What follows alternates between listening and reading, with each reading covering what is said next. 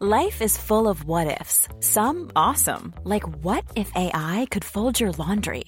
And some, well, less awesome, like what if you have unexpected medical costs? United Healthcare can help get you covered with Health Protector Guard fixed indemnity insurance plans. They supplement your primary plan to help you manage out of pocket costs. No deductibles, no enrollment periods, and especially no more what ifs. Visit uh1.com to find the Health Protector Guard plan for you.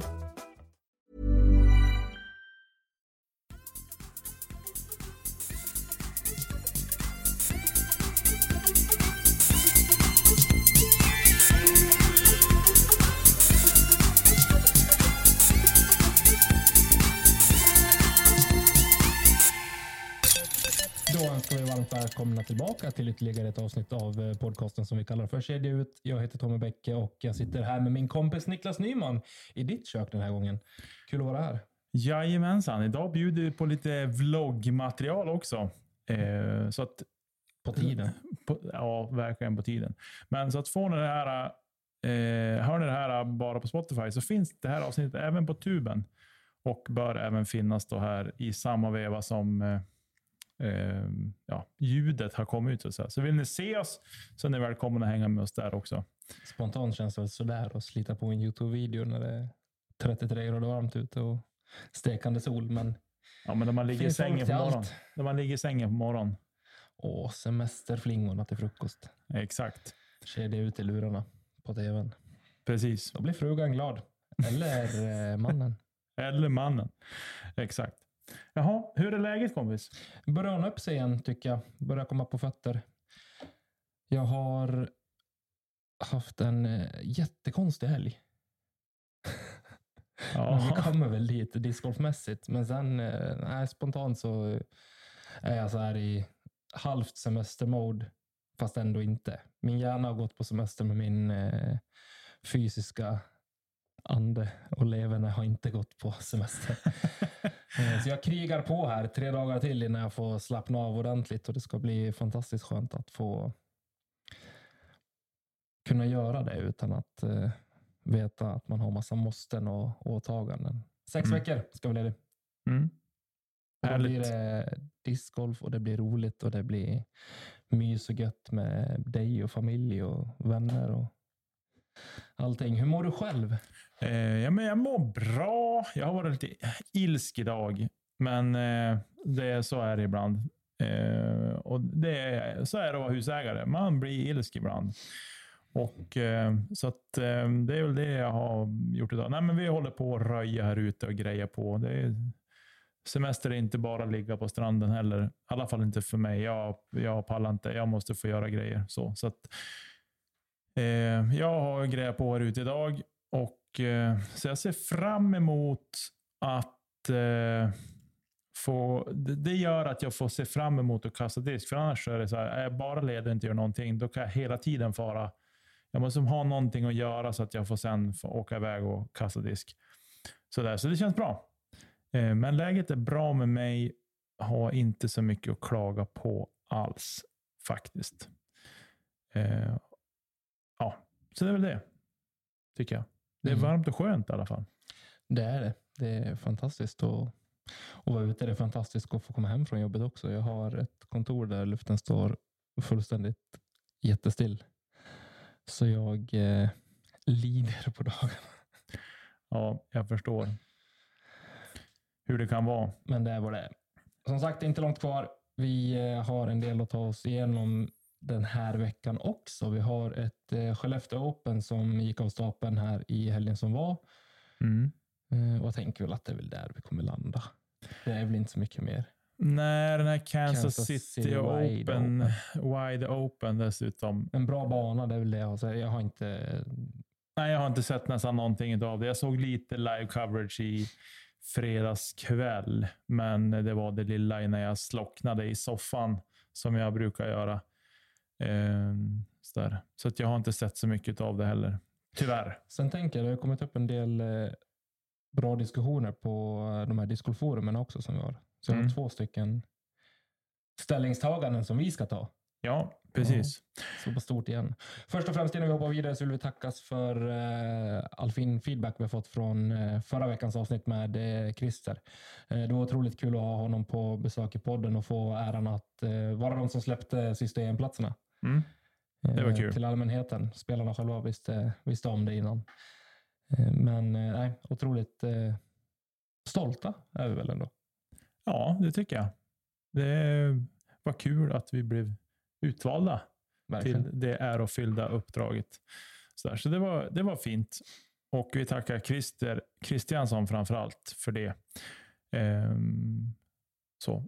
Och nu ser vi fram emot EM som ska spelas i Estland och ingen annanstans. Vill vi bara poängtera ytterligare en gång. Vi har lärt oss det nu. Ja, precis. Men eh, jag tänker att vi, vi, vi kastar oss väl på det här, eh, för dig kanske, både roliga och jobbiga att prata om i, Mm. det, i det här avsnittet. Absolut. och Så Så att vi, vi gasar igång. Ja, var ska vi börja någonstans? Jag, eh, jag avslutade precis en post på Instagram här eh, från helgen där jag, eh, jag, jag använder ju sociala medier främst för att liksom kunna få bara express my feelings. Alltså så. Jag blir ju väldigt sentimental när jag skriver saker och liksom så här, tankar som inte kommer ut verbalt, det kommer ut i skrift och det tycker jag är lite skönt. Så för de som läser det så kan det verka tycka, ja men nu tycker han lite synd om sig själv, bla bla bla. Han tror att han är bättre än vad han är. Men nej, så är inte fallet den här gången. Eh, Jag skrev bland annat att det här var den kanske konstigaste helgen jag har upplevt. Det är också den, bland den jobbigaste discgolfmässigt. Mm. Och sen har jag också haft eh, orimligt jävla roligt har jag haft.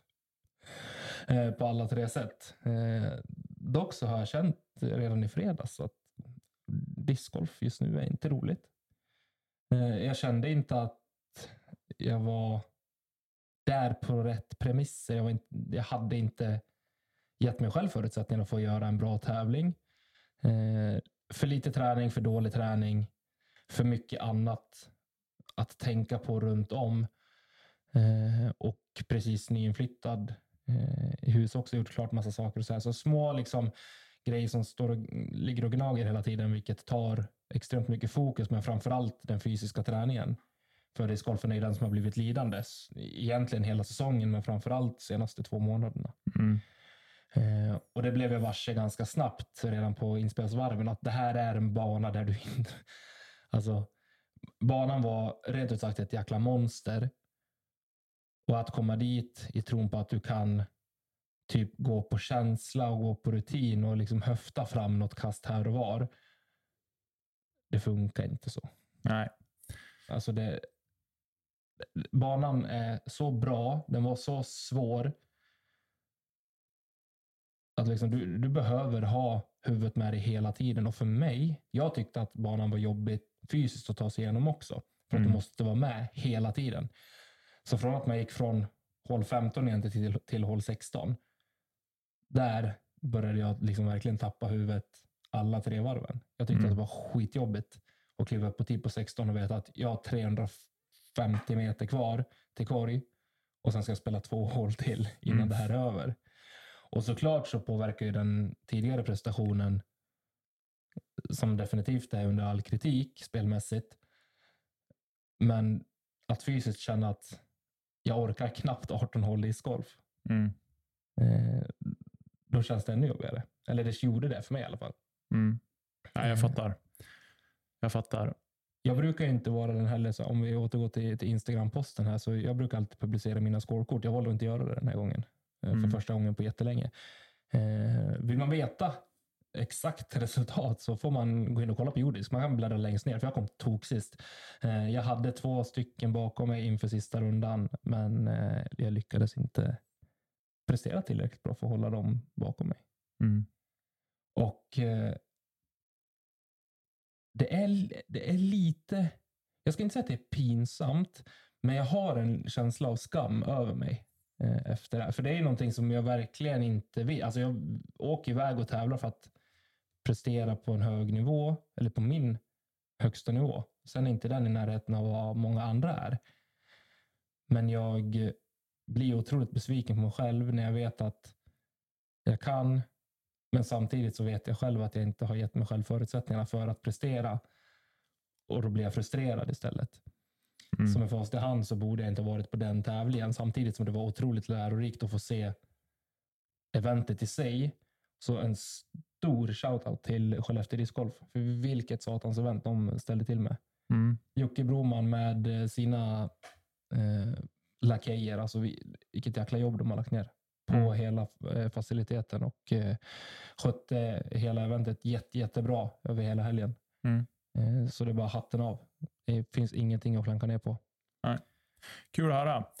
Eh, jag följde ju dig och väldigt många andra eh, svenskar. Jag hade gjort en, en, eh, en starlista som man kan göra. I Oj. en stjärnmärklista i, på judisk.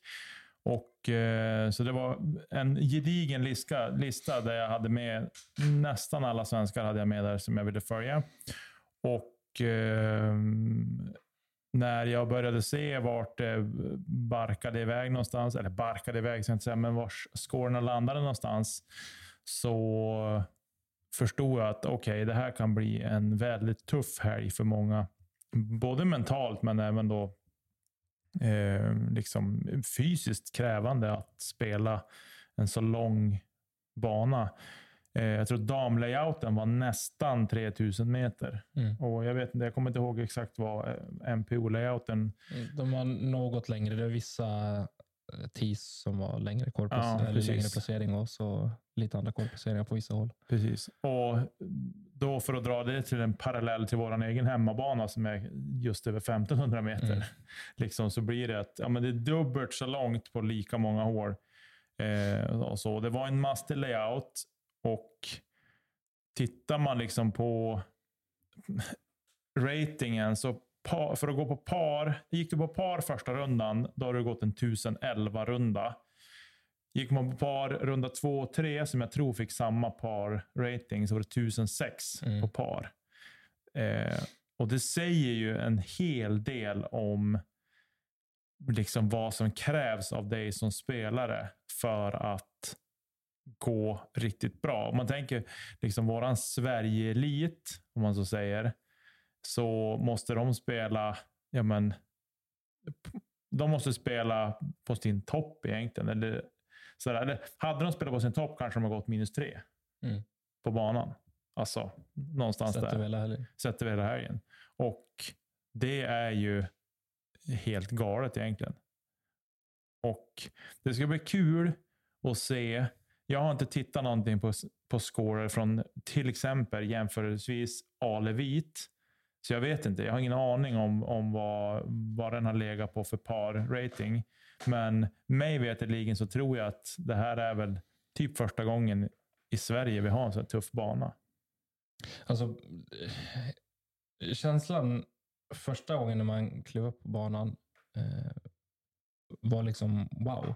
Och innan vi liksom pratar för mycket om, om längden på banan och så här, så vill jag bara säga det. Alltså det är inte bara förlängda korvplaceringar, utan det här är en, i princip en helt ny svarvad banslinga Mm. på discgolfterminalen som vi vet sedan tidigare är en av Sveriges och till och med kanske en av Europas absolut bästa anläggningar för discgolf. Mm. Eh, och jag har tidigare liksom tänkt, tyckt att Skellefteå discgolfterminalen kanske har varit lite överskattad för att det inte har hänt så mycket. Och efter att ha pratat lite grann med dem alltså, som har utvecklat dels den här banslingan men hela, hela anläggningen nu också de senaste ett och ett halvt, två åren, eh, egentligen från SM eh, som gick där, ja men i fjol, ett år sedan ungefär.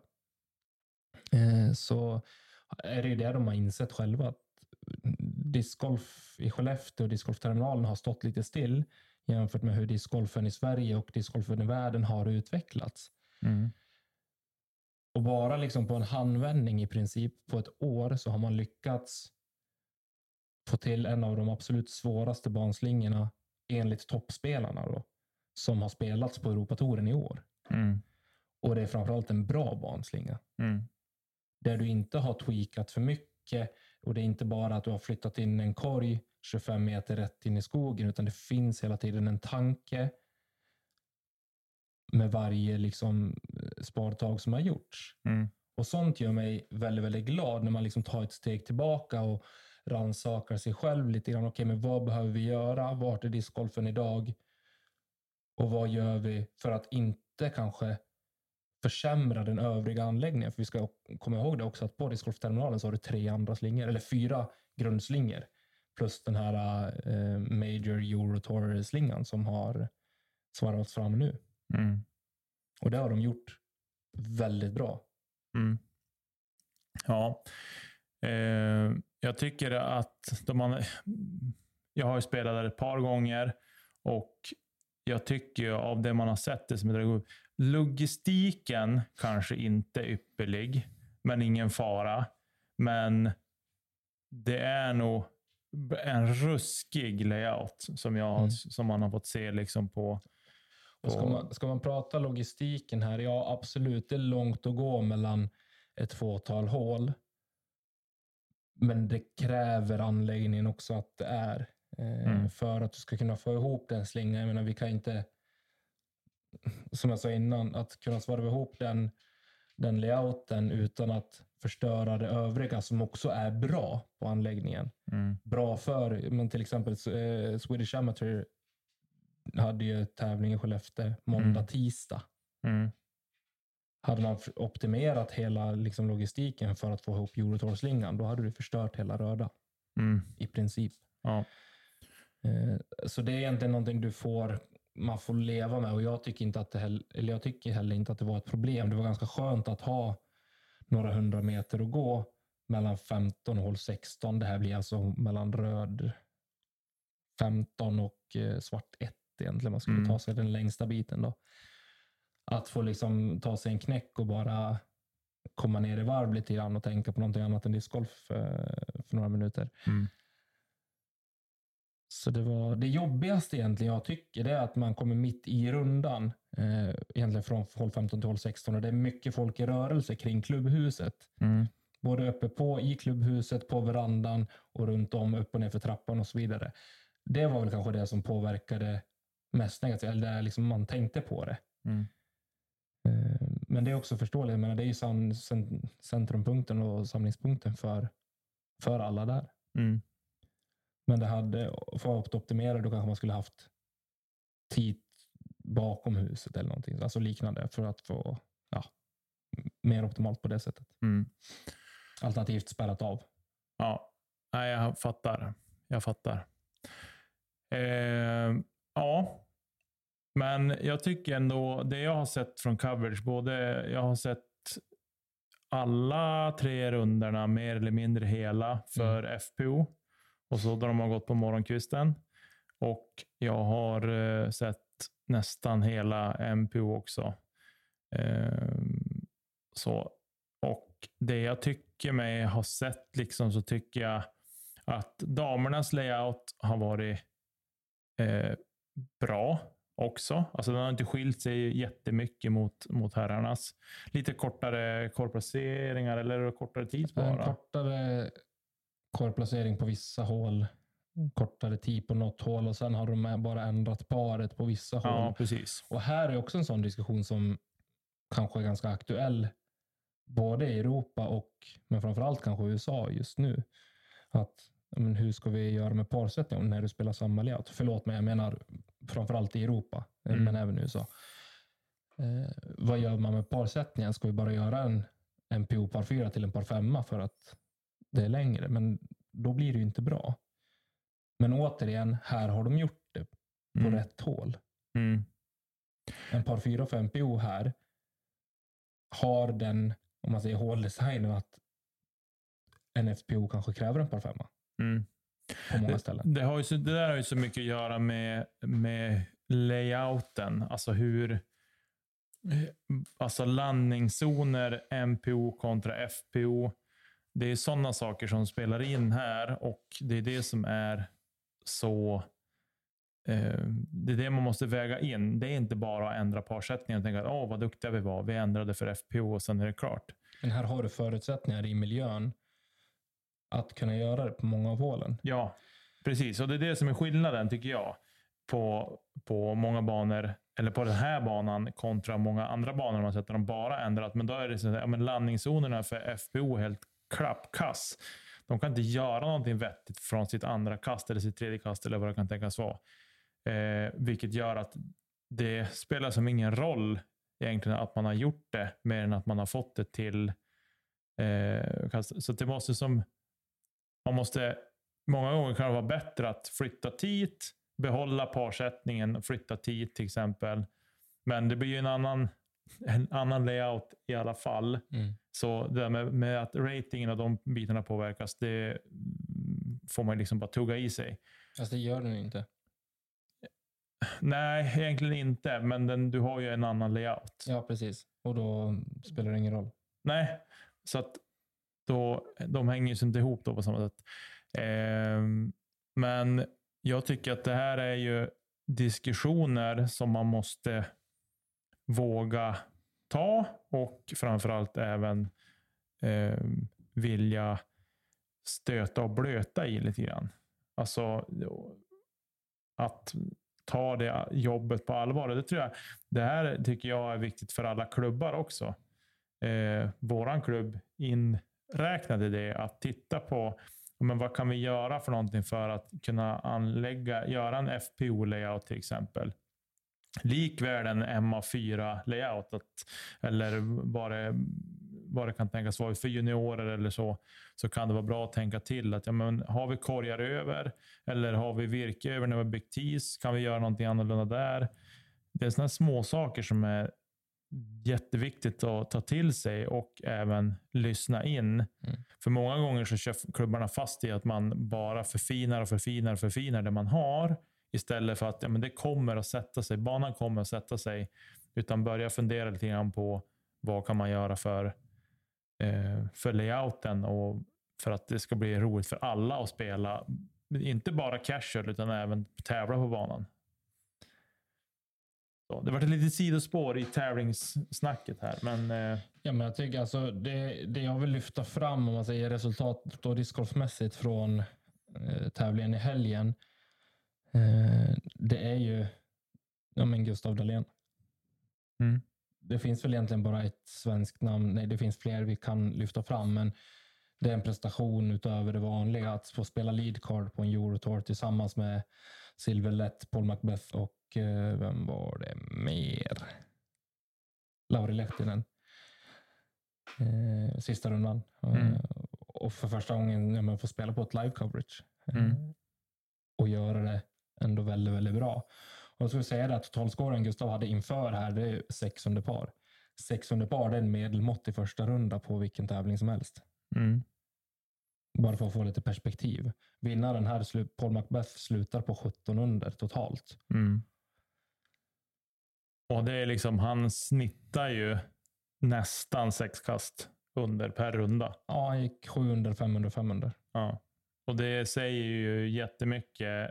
Så här, nu, Paul har inte varit sitt bästa jag i år spelmässigt.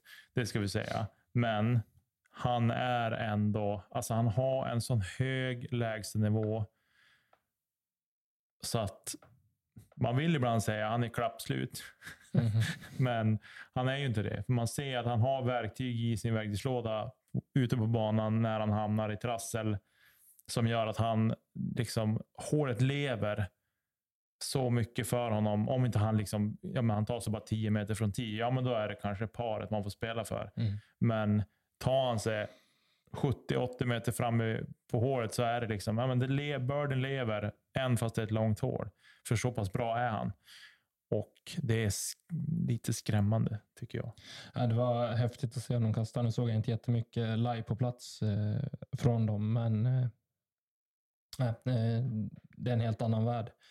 Värt att lyfta fram också James Proctor. Han går ju banrekord bara en kvart efter att Scott Stokely har slagit banrekordet. De gick 8 respektive 11 under Mm. den sista rundan och då pratar vi en rating på typ 1090 på Mm. eh, Proctor. Ja, 1078 tyckte jag han fick, men det kanske Ja, det kanske var det 1080 där kring då. Men, Mm. ja. Häftigt. Birdie, eh, bogeyfri båda två. Mm. Och Scotley? Scotley. Scott Stokely som är 50 plus också. Han är 53 år gammal tror jag. Mm.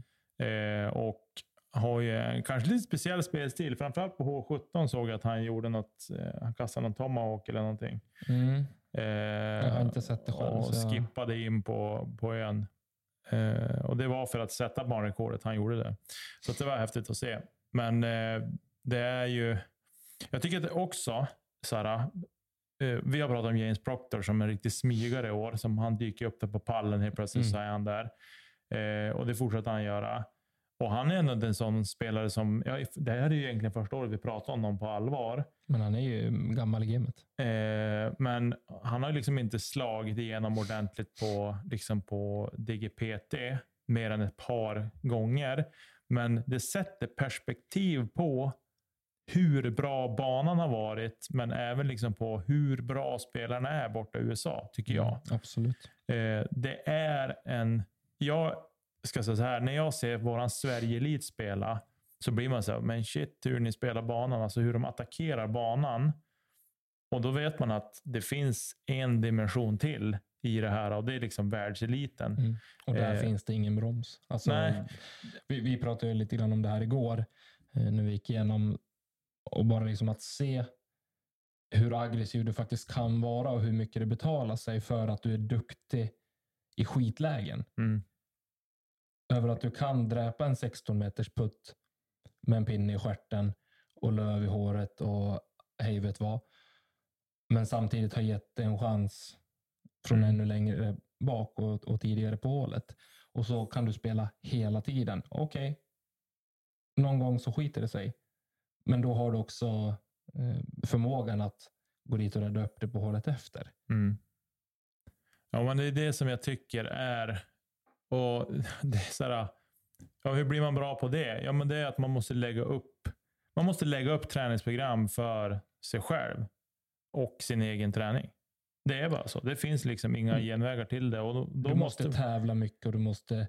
men tävla, träna Ja. och, så måste du lägga in att ja, men du ska inte stå på fairway och kasta mot korgen Nej. bara. Det kan du göra också, men du ska ställa dig i skiten där du kan hamna.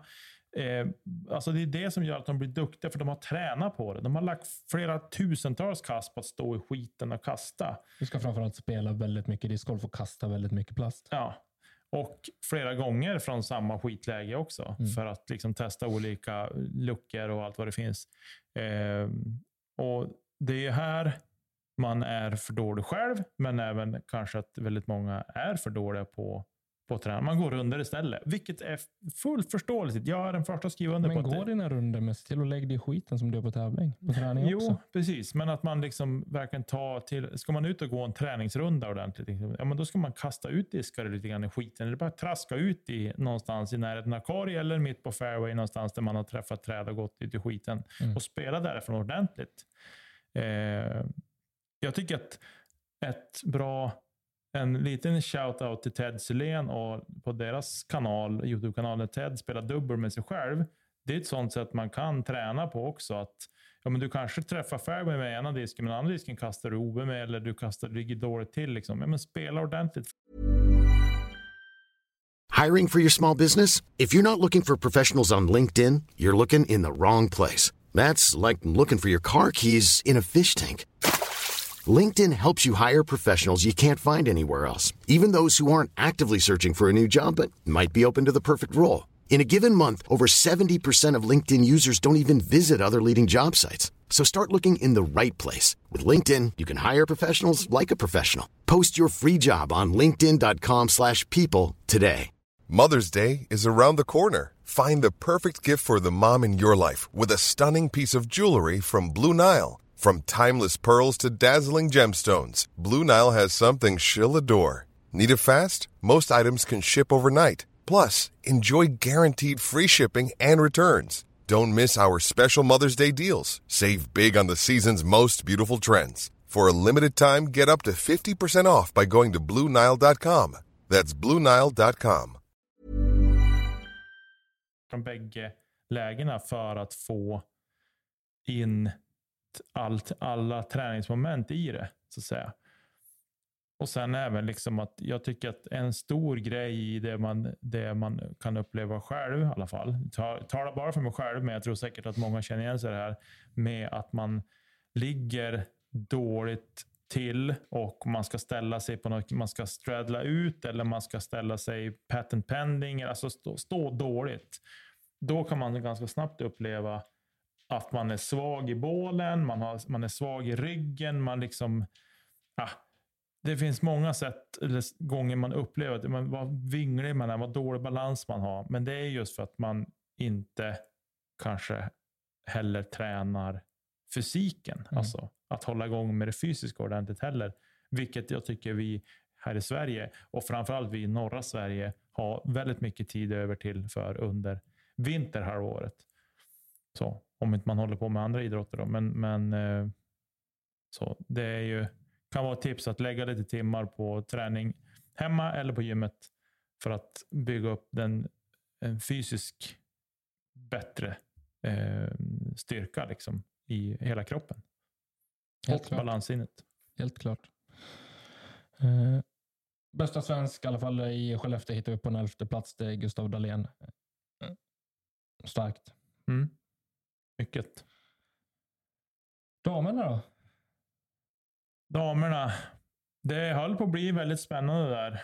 Ja. Eh, Silva Saarinen darrade lite grann på, på slutet, men hon höll ihop det. Eh, och framförallt när hon på hål 17 på finalvarvet missade ön. Och... Eh, det gjorde hon inte. Jo, det gjorde hon. Hon dräpte ju putten. Ja. Hon, men hon satte den från dropzone helt utan tvekan. Bara liksom kastade i den. Eh, Turton träffade ön, men missade putten tror jag. Nej, hon satte den. Hon satte den. Mm. Så att hon eh, var efter med ett kast inför finalhåret. Men Turton hade väl lite för... Eh, var väl lite darrig kanske. Hon också lite nervös så att hon kunde gå ikapp. Men hon eh, hade, var väl redan från tid det varit lite stökigt. Hon kastade ut lite grann för mycket till höger. Och eh, Silva Saarinen också tappade disken, men landade ju helt perfekt mitt på fairway. Och så så eh, det löste sig till slut. De tog par bägge två tror jag på 18. Mm. Och, ja, jag tror att hon tog en femma. Hon tog en femma till och med. Så att, men eh, kul att det vart ändå spännande. Jag trodde där ett tag att, att Silva Saarinen skulle bara segla iväg och, och, vinna väldigt komfortabelt. Men det vart lite darr på manschetten mm. mot slutet där. Vi kan väl också nämna det att eh, Hot Round eh, runda tre går eh, Jenny Larsson fyra under. Mm. Det är en riktigt bra runda. Ja, hon låg väl sex under tror jag. Ja, fem i alla fall. Ja, sex under låg hon inför 18 tog den dubbelt tyvärr. Ehm, så det var väldigt stabilt spel från hennes sida. Mm, verkligen. Och kul att se. Och eh, kul att se Matilda Ringbom också. Eh, mm. spela. Hon spelade också väldigt bra. Hon gick feature card första rundan. Och tog sig väl in på lead card tror jag till andra rundan också. Har för mig. Eh, så att, ehm, ja. Kul med tycker jag ändå överlag svenska framgångar. Eh, sådär. Och kul att se dem spela. Vi har inte så stort FPO-fält i Sverige. Så att då de väl är på tävling och presterar så blir man glad. Det blir man verkligen. Tycker jag. Mm. Absolut. Så. Ja. Ska vi lämna Skellefteå därhän nu eller? Ja, har som du har längtat. som jag har längtat. Ja, men jag, blev glad. jag blev glad av att höra att det var, att det var en tuff men ruskigt bra bana. Ja, nej, jätteglad i efterhand att jag har spelat den, och, eh, men tävlingsmässigt så jättebesviken såklart. Ja, det, jag förstår. Jag har, all, du har mina sympatier fullt ut. Jag fattar. Eh, det hade varit värre om det hade varit att banan är skittuff, men den är helt kass också. Det hade varit ett värre betyg, men eh, ett väldigt gott betyg till, till Skellefteå discgolf och även discgolfterminalen och så, där de har ja, men, lyckats tweaka till lite grejer så för att göra den här tuffa layouten. Men eh, vi lämnar Skellefteå därhän och så hoppar vi vidare i det här avsnittet. Mm. Jag tänker så här, vi ska ta två stycken eh, diskussionsfrågor som dykt upp i våra sociala medier och på Facebookgrupperna det senaste. Den första gäller Greenfinicke, ja. där vi surrade lite smått och inte alls var överens. Och det är man inte i kommentarsfältet heller, det kan jag säga. Nej, vi, vi, vi, vi diskuterade ju inte så mycket. Nej, att vi- det var, var lite kort bara. Var mest agree to disagree. Ja, precis. Eh, Problematiken i bakgrunden varför frågan lyfts är för att det är väldigt många som spelar på en specifik bana och inte betalar för sig trots att det finns en green fee-avgift. Mm. Och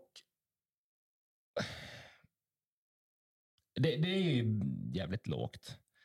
Och sen kommer frågan, är, ja, men är den för dyr? Och det är väl där meningsskiljaktigheterna kommer in lite grann. Det här är en niohålare, man tar 80 kronor per dag, varv. Ja, det kostar 80 kronor i alla fall. Eh, jag tror att det var 80 kronor per varv. Tror jag. Eh, och är det för dyrt? Nej, kanske inte. Men sett till marknadspriserna, om vi så säger. mm, det som, det som styr övrig handel av varor och eh, tjänster i liksom Sätter man det i paritet mot det, så jo, då är det dyrt. Eh, Om du själv hade lagt ner x antal timmar på arbete, på att hålla banan i trim och ha den i rullning. Och så hade du tagit 80 kronor. Hade du själv inte känt att det är det väl ändå värt? jo, absolut. Jo, det, alltså så här. Det jag menar är bara att ser man till de andra banorna vi har, Mm. som har green fee och vilka avgifter de har och vad du får för pengen, Mm. vilket då är marknaden. Mm. Så Jag, jag, jag är helt med. ja, du borde vara, vara med. Ja. Så då är det dyrt. Men, men, men, men, men, men. Ska ju då tilläggas här att det är inte dyrt förhållande till vad den här mm, ägaren av anläggningen har lagt ner i form av tid, inköp av maskiner, korgar, TIS, allting. Då är det en skitsumma. Och jag blir också samtidigt så här eh, lite så här provocerad över att folk bara skiter i att betala. Det är nog, alltså det är nog så här, man kan tycka att 80 kronor är dyrt, fine. Men jag tycker mer så här... Men då spelar du inte. Nej, det är men- hit jag vill komma. Jo. Nu jagar jag upp mig igen. Ja. Kostar det 80 kronor, betala 80 jävla kronor eller gå hem. Alltså grejen är... Fan det, är problemet. Ja, men det är di- dit jag vill komma. Jag tycker att det är respektlöst. Ta en diskussion med ägarna. Men alltså, vi tycker att det är för dyrt sett till vad vi får. Okej, ja, men då kanske han ska berätta för er vad det är han har fått lägga ner som han inte Nej, det ska han inte behöva göra. Det är inte så att jag går fram på ICA och så kostar en chokladkaka 35 kronor och bara, det här är dyrt. Sitter tjejen eller killen i kassan bara, ja men okej, du får, behöver bara betala 22. Nej, men det är ju... Han behöver inte förklara sig ett skit. Han tar 80 spänn för att du ska få spela nio hål. Betala 80 spänn eller åk hem. Ja, man kan vara så svartvit och tycka så. Ja, Ja. Och det är helt det okej. är inte svårare än så. Det är helt okej.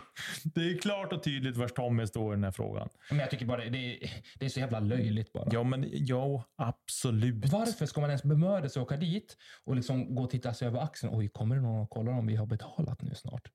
Ja, nej, kunde det, du spela då? Nej, det är skittramsigt. Jag menar, vi har jättemycket banor i Sverige. Ja, men det, så här. Finns det en green fee, betala eller åk därifrån. Exakt. Det, det är inga konstigheter så. Sen om man kan tycka att det är dyrt eller inte. Ser man till alla andra banor som finns där ute, som så vad du får för pengen och så vidare. Jo, då är det dyrt. Alltså det, det, Ja, det kanske är lite Så. över snittpris, men, samt, alltså så här, ja, men du absolut. måste hålla isär det. Vi det är också andra, jag, jag kan tycka så här. Ett dagskort på terminalen, det är för billigt. Ja, det Ett är dagskort det. på Penglund är för billigt. Ja, Jag har inte varit på Ale, men ett dagskort där är garanterat också för billigt. jag har sett till anläggningen och, och så absolut. Och antal spelare garanterat. Ja, och så är det liksom upptagningsområden. Nu ligger den här banan vi pratar om, benämner om, ligger på Gotland. Vilket gör att det är ett lite smalare eh, upptagningsområde av spelare och så. Vilket gör att de där pengarna som man får betala för att spela där Har du åkt till Gotland, då har du råd med 80 spänn för att spela en discgolfrunda också. Exakt. Annars kan du spela från ringmuren. Så tycker vi. Nej, men så här, jag tycker att det är... Eh, Men det är en icke-fråga. Jag tycker bara så.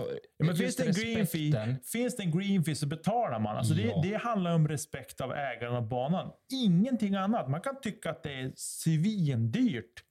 Jag menar, man kan åka upp till terminalen och, och spela tre hål och sen stuka foten. För att någon inte har gjort sitt jobb med en 10 eller vad som helst. Ja, då är det så. Fine. kan man tycka att det var dyrt också och onödigt att stuka foten. Men Vet du vad? Jag skäms. Jag tror inte jag betalar green fee på terminalen på inspelsvarvet. det ingick väl i Nej. spelaravgiften? Gjorde det inte? Jag har ljugit. Jag är en hemsk människa. Det är bara att swisha på en gång. Det jag finns måste på, swisha Skellefteå discgolf. Jag ska göra det. Det kommer så småningom. Tommy får, får, han får swisha dubbelt när vi åker dit och spelar. Slipper jag swisha. Ja, det, det kommer. Jag ber hemskt mycket om ursäkt.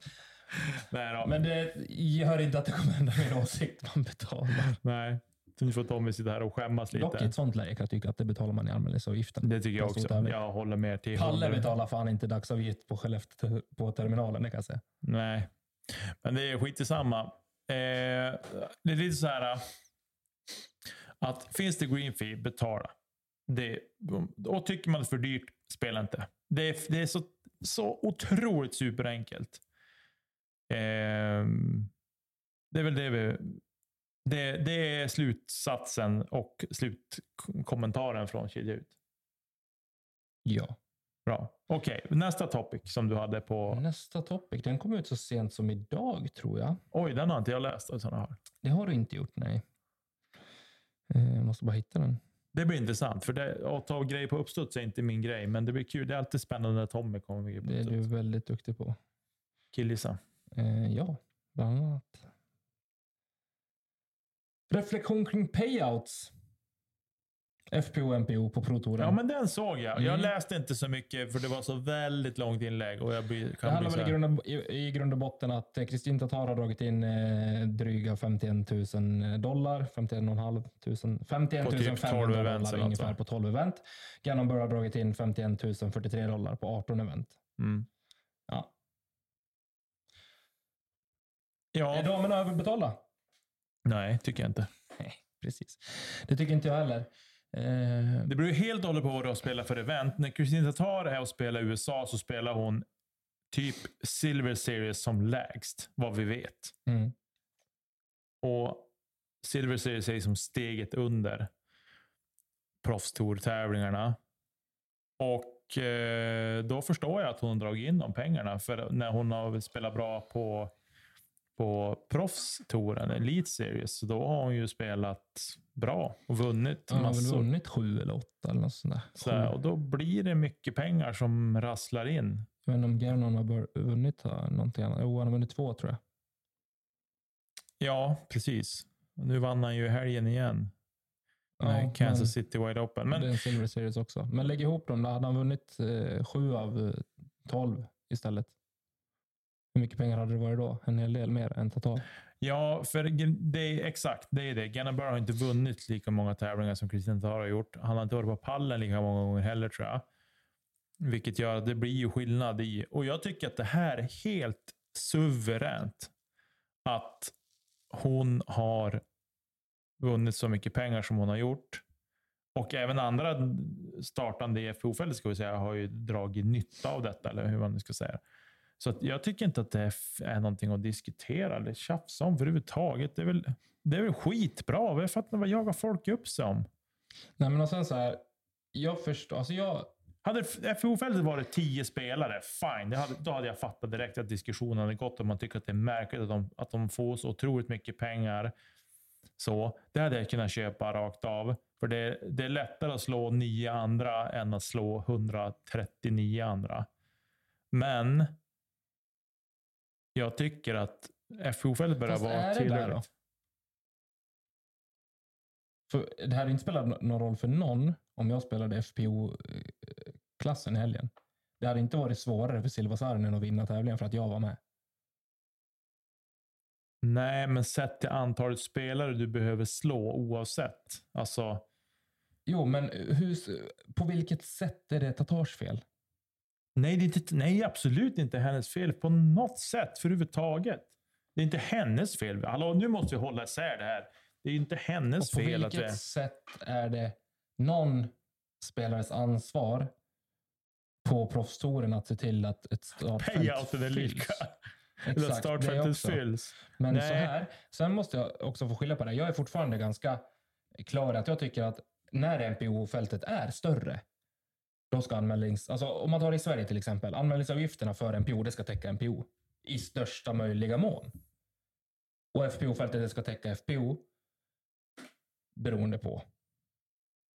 Som sagt. Men Ja. i största möjliga mån så ska klasserna betala sig själva. Ja. Kommer det däremot externa sponsorer, då ska den splittas. Om För du inte, sponsrar om, eventet i det stora hela. Ja, om inte sponsorn har sagt att vi vill att våra pengar går till FPO. Ja, men då ska du sponsra också Kansas City Wide Open FPO och inte Kansas City Wide Open. Ja, nej, exakt så är det.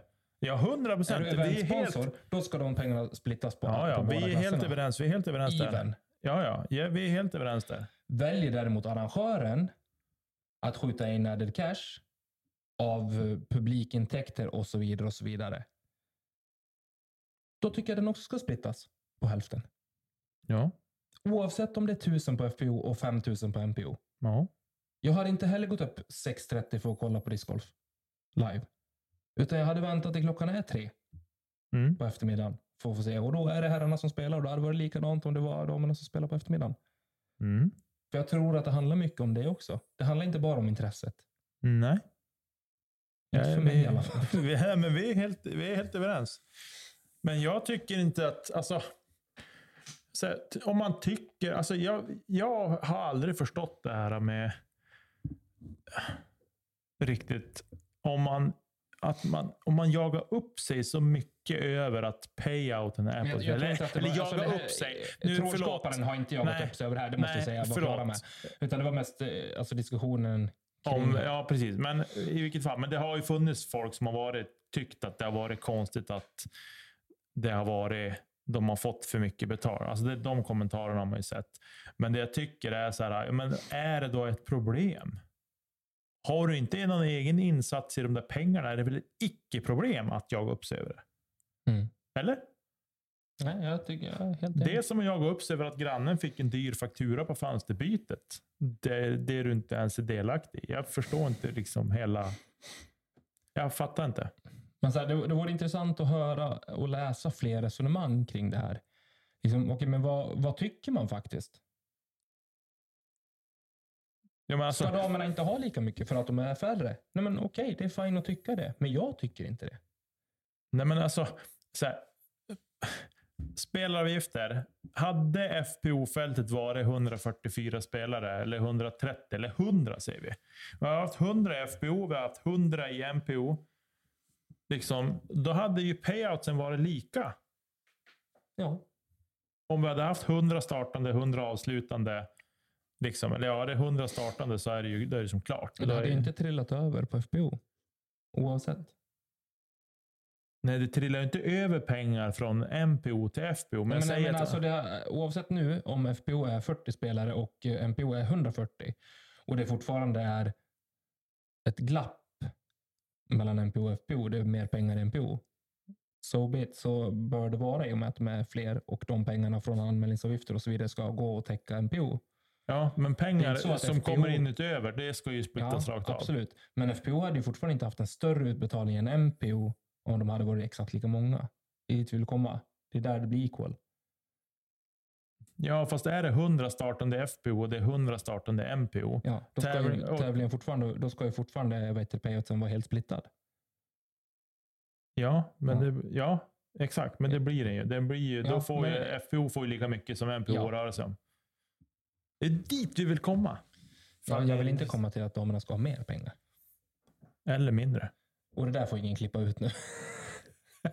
För det där kan uppfattas väldigt fel. Det är tur vi inte har Aftonblaskan som lyssnar. De jävla soporna. Eh, Får man men säga för det är min podd. det får du säga. Eh, men eh, ja, nej, men jag tycker att det är en intressant diskussion.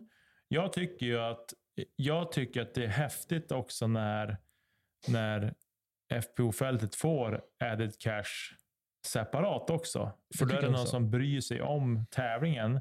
Och det är det som kommer att få damsidan på sporten att växa och bli mer intressant för Ja. övriga aktörer också. Det handlar inte om eh, Johnny som sitter hemma i Texas och har grillat en bringa till frukost och ska kolla på discgolf och slå sin fru. Utan han, det handlar inte om det. Det handlar om de stora aktörerna, att de ska få upp ögonen för sporten. Alltså din generalisering över en Texasbo är ju fantastisk. Tycker du? Nej, Jag menar inte att de slår sina fruar. okej. Nej, Vi försöker att... Ja. Nej, men Kan slå sina män också. Ja. Nej, men jag tycker att det är bra. Och Sen eh, finns det folk som har åsikter om det där också och tycker att ja, vadå, de är inte tillräckligt bra och göra det. Nej, det är inte du heller. Du är på samma nivå som mig. Vi är för dåliga på att kasta disk. Du får bli bättre. Träna blir bättre. Det är inget konstigt. Så är det. Det är enkel matematik. Är du för dålig och aldrig vinner, då får du bara träna hårdare. Mm. Eller hur? Det är så. Så är det. Jag satt och tänkte på nu att det blev ett aggressivt avsnitt den här veckan också. det är, älskar det. Jag tycker, jag tycker att det var bra. Ja, bra. Ska Ja. bara avsluta med att vi fick spela tillsammans igår på Umeå öppna. Årets första. Våran eh, lokala sanktionerade L-Tire. Heter det Tier eller Tire? Tier. Tier. Tier. Tire. L-tier. Jo, jag vet. L-däck. Eh, du spelar bra. Okej. Ja, okej spelar jag. Ja, jag spelade återigen okej i 15 hål och sen eh, fluffar man lite inspel och så gick det åt helskotta. Ja. Jag ställer mig fortfarande frågan till varför du kastar forehand där, men det är en annan diskussion. För en annan, vi, så På här. 14. Ja, nu så här. Därför att jag ligger i ett rakt backhandkast med putter. Berg bara. Berg. Nu så här. Vi ska försöka få till material. Förhoppningsvis kan vi få med oss någon kameragubbe också. Det är fritt fram att anmäla sig om man vill vara kameragubbe åt oss. Eh, Eller så kan man bli en Patreon och så kan man försörja kameragubben det är också ett alternativ. Nej, men så här. Vi ska försöka ge oss ut på banan lite mer här nu. Tommy jobbar tre dagar till. Sen har han semester. Jag har semester redan nu.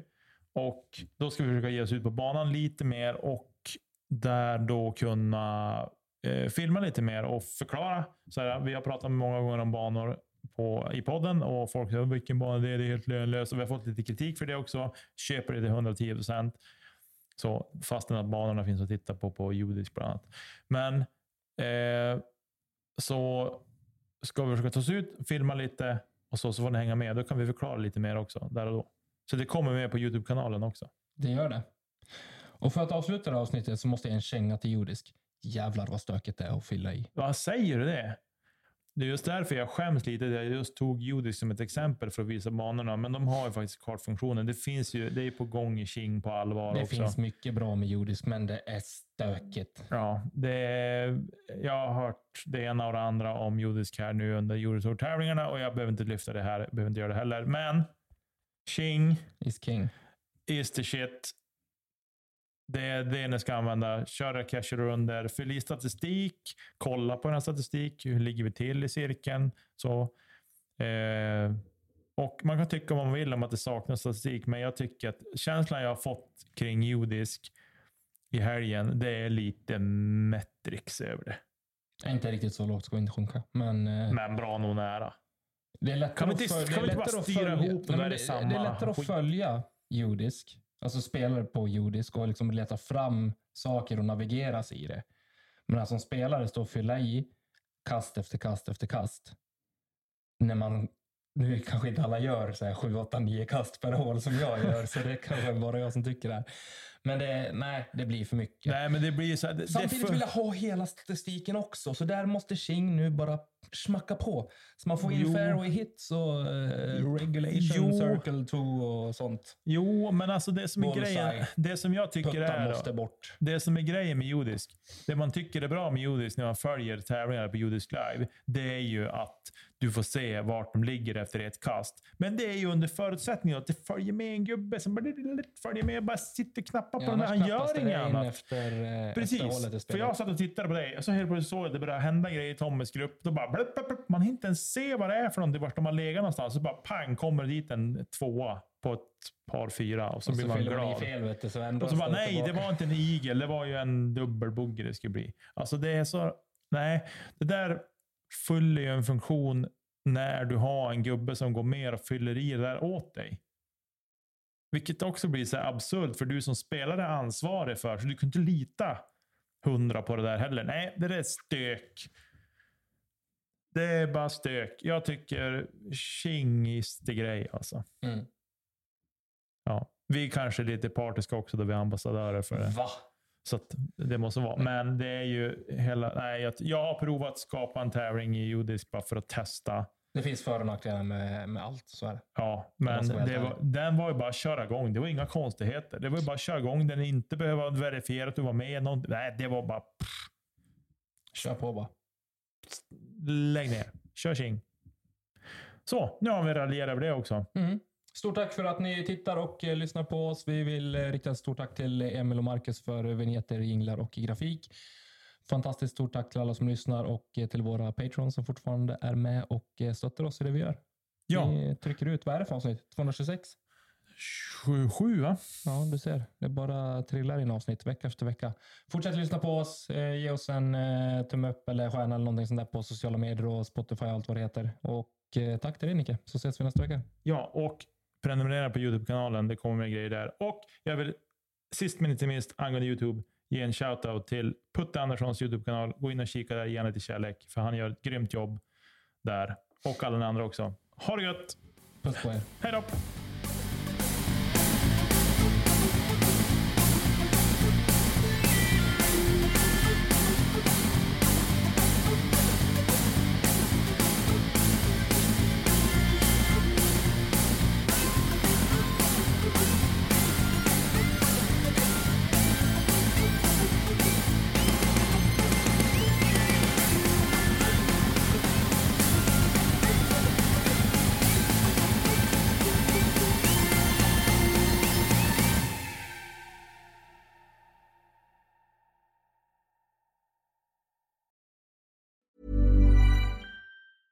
Mom deserves the best, and there's no better place to shop for Mother's Day than Whole Foods Market. They're your destination for unbeatable savings, from premium gifts to show-stopping flowers and irresistible desserts. Start by saving 33% with Prime on all body care and candles. Then get a 15-stem bunch of tulips for just $9.99 each with Prime. Round out Mom's menu with festive rosé, irresistible berry chantilly cake, and more special treats. Come celebrate Mother's Day at Whole Foods Market.